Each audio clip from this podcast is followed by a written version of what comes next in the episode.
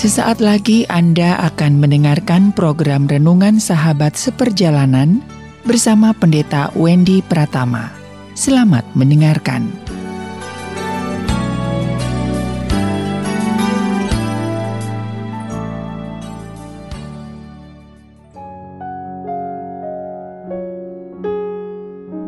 Selamat berjumpa kembali dalam layanan audio Sahabat Seperjalanan. Hari ini adalah hari Kamis 9 Desember 2021. Tema renungan dan saat teluh kita dengan judul Lulus karena tulus. Lulus karena tulus. Firman Tuhan terambil dalam Mazmur 101 ayat yang keempat. Demikian bunyi firman Tuhan. Hati yang bengkok akan menjauh daripadaku kejahatan aku tidak mau tahu. Hati yang bengkok akan menjauh daripadaku, kejahatan aku tidak mau tahu. Mari kita berdoa. Bapa yang di dalam sorga, terima kasih buat kebenaran firman Allah yang sungguh-sungguh memperkaya hidup kami dan menjaga hidup kami di dalam kebenaran. Dan biarlah firman Tuhan hari ini lulus karena tulus melekat dalam hidup kami. Dalam nama Tuhan Yesus kami berdoa. Amin. Shalom sahabat seperjalanan yang dikasih Tuhan. Zaman sekarang atau orang Sunda bilang zaman kiwari. Orang-orang yang tulus itu akan dihajar, akan dihabisi, akan dihempaskan, akan ditenggelamkan, akan dibuang, akan direndahkan, dan akan diperalat, dan apa pun juga sedemikian banyak. Sahabat seperjalanan, lu tulus itu tidak identik dengan kebodohan.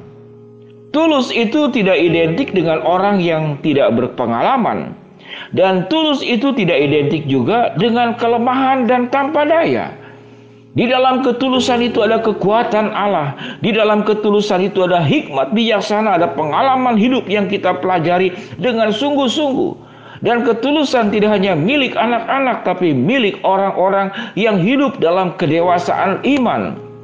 Sahabat seperjalanan yang dikasih Tuhan, sehingga anggapan bahwa orang-orang yang tulus itu seperti yang dikatakan tadi, itu identik dengan kebohongan, identik dengan orang-orang yang kelihatan seperti anak-anak yang tidak tahu apa-apa, identik dengan kelemahan, identik dengan sangat mudah dipermainkan. Tidak demikian. Karena mengapa? Karena orang-orang yang tulus itu akan mendapatkan perlindungan, akan mendapatkan penyertaan, akan mendapatkan kekuatan, dan akan dipenuhi oleh hikmat yang berasal dari Tuhan. Di balik orang-orang tulus ada Allah yang menjamin hidupnya, ada Allah yang menjaganya, ada Allah yang memberikan hikmat bijaksana. Sehingga di dalam ketulusan tetap ada kecerdikan, ada kecerdasan, ada kemampuan menganalisa masalah, ada kemampuan mencari solusi yang terbaik dengan hikmat dan pertolongan Tuhan. Sehingga sahabat seperjalanan, jangan sampai terpancing dan tergoda dengan kata-kata tadi bahwa orang-orang yang tulus itu identik dengan seperti yang saya katakan tadi. Lemah tidak berdaya tanpa pagar, rumahnya mudah dirampok, kehidupannya mudah dimasuki orang lain, dan hancur lebur dengan keadaan seperti demikian. Tidak demikian. Karena yang dikatakan tadi, orang-orang yang tulus itu orang-orang yang berpengalaman, orang-orang yang tulus itu orang-orang yang berhikmat, dan orang-orang yang tulus juga adalah orang-orang yang pandai menganalisa masalah sehingga tahu membedakan mana masalah, mana satu keadaan yang menjebak atau satu keadaan yang memang menjadi berkat buat kita. Sahabat yang dikasih Tuhan, saya terkagum-kagum setiap kali mendengarkan bagian-bagian firman Tuhan yang luar biasa. Khususnya saat ini. Mazmur 101 ayat yang keempat. Apa yang dikatakan dalam firman Tuhan ini? Hati yang bengkok akan menjauh daripadaku. Kejahatan tidak akan aku tidak mau tahu. Ada dua yang dihindari oleh pemazmur dalam 101 ayat keempat. Hati yang bengkok dan kejahatan. Orang yang ingin berbuat kejahatan biasanya bengkok. Dan orang yang bengkok hatinya biasanya dan tentu itu adalah saudara kembar, satu keluarga, satu famili, satu kampung, satu wilayah, satu guru, satu ilmu.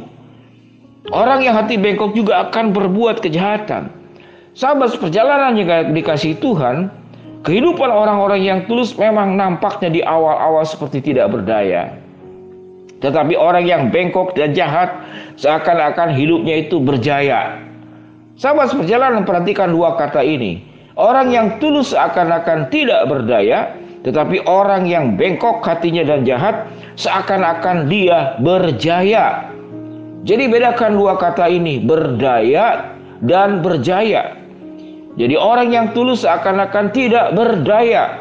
Orang-orang yang jahat dan bengkok hatinya seakan-akan berjaya. Tapi perhatikan juga kalimatnya, yaitu kalimat seakan-akan. Sahabat perjalanannya dikasih Tuhan, apa itu seakan-akan? Seakan-akan itu adalah sepertinya benar ternyata salah. Atau sepertinya salah ternyata benar. Itu seakan-akan. Sehingga sahabat seperjalanan menjadi orang yang hidup lulus karena tulus maka kita tidak boleh hidup di dalam keadaan yang seakan-akan. Banyak orang-orang percaya anak-anak Tuhan yang kecewa. Mengapa hidup saya benar tapi terpuruk? Hidup dia tidak benar, dia jaya. Ingat sahabat seperjalanan kalimat yang disebutkan tadi. Engkau seakan-akan terpuruk tapi engkau tidak terpuruk. Orang yang bengkok hati dan jahat seakan-akan itu maju berkembang tapi tidak maju dan berkembang. Karena sesuatu itu akan dinilai hasilnya itu di akhir, bukan di awal, bukan di dalam perjalanan, bukan di tengah, tapi di akhir. Dan dalam setiap akhir kehidupan kita, di sanalah kita akan tahu siapa yang menang, siapa yang ber, berjaya, siapa yang tidak berdaya. Di hadapan Allah tidak ada yang bisa lari sahabat seperjalanan. Sewaktu engkau di dalam ketulusan kemudian engkau dimanfaatkan dan dalam keadaan tidak seakan-akan tidak berdaya. Maka ingat, kehidupan kita bukan di awal, kehidupan kita bukan di tengah dalam perjalanan. Tapi kehidupan kita akan ada di akhir. Dan di akhir kehidupan kita ada pertanggungjawaban yang harus kita pertanggungjawabkan di hadapan Tuhan dan tidak ada seorang pun yang akan lari dari pengadilan Tuhan. Sahabat seperjalanan yang dikasih Tuhan, hidup benar, hidup tulus, hidup mengikuti perintahnya, hidup yang hatinya tidak bengkok. Engkau hidup tidak melakukan kejahatan, engkau akan jadi pemenang. Itulah janji Allah yang luar biasa. Tuhan tidak akan biarkan engkau menjadi pecundang engkau akan diangkat oleh Allah. Engkau akan didudukkan bersama dengan Yesus di surga sana. Kemenangan lebih kemenangan engkau engkau dapatkan dari Allah minimal. Sewaktu engkau hidup dalam ketulusan, engkau sudah menang, yaitu menang dari kejahatan. Engkau hidup dalam kebenaran, maka engkau sedang mengalami kemenangan engkau tidak bengkok hatinya, maka engkau sedang mengalami kemenangan dan kemenangan itu adalah kemenangan yang pasti. Bukan kemenangan yang seakan-akan, itu menang yang genuine, menang yang benar, menang yang real, dan menang yang sesungguhnya. Sahabat perjalanan yang dikasih Tuhan menengok pelayanan saya sekian lama. Maka ada banyak keajaiban yang Tuhan berikan kepada saya di dalam pelayanan tatkala saya berjuang dengan sungguh-sungguh bagaimana saya menjaga ketulusan. Ketulusan dalam pelayanan, ketulusan dalam hidup, ketulusan di dalam berelasi, ketulusan di dalam memperlakukan orang-orang lain. Sahabat seperjalanan yang dikasih Tuhan, ingat baik-baik. Hidup kita akan lulus karena tulus.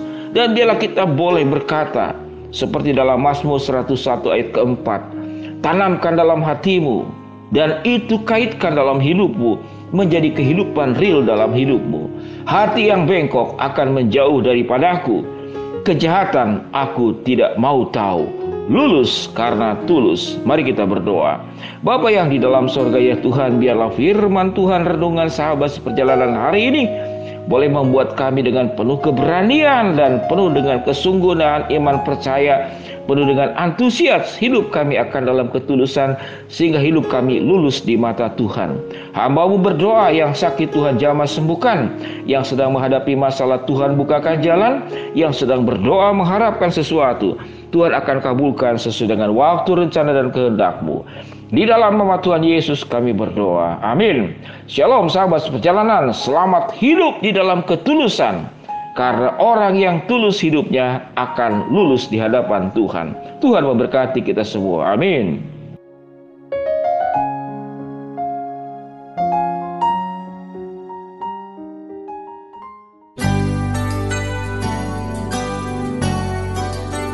Anda baru saja mendengarkan program Renungan Sahabat Seperjalanan bersama Pendeta Wendy Pratama. Terima kasih atas perhatian Anda. Tuhan Yesus memberkati.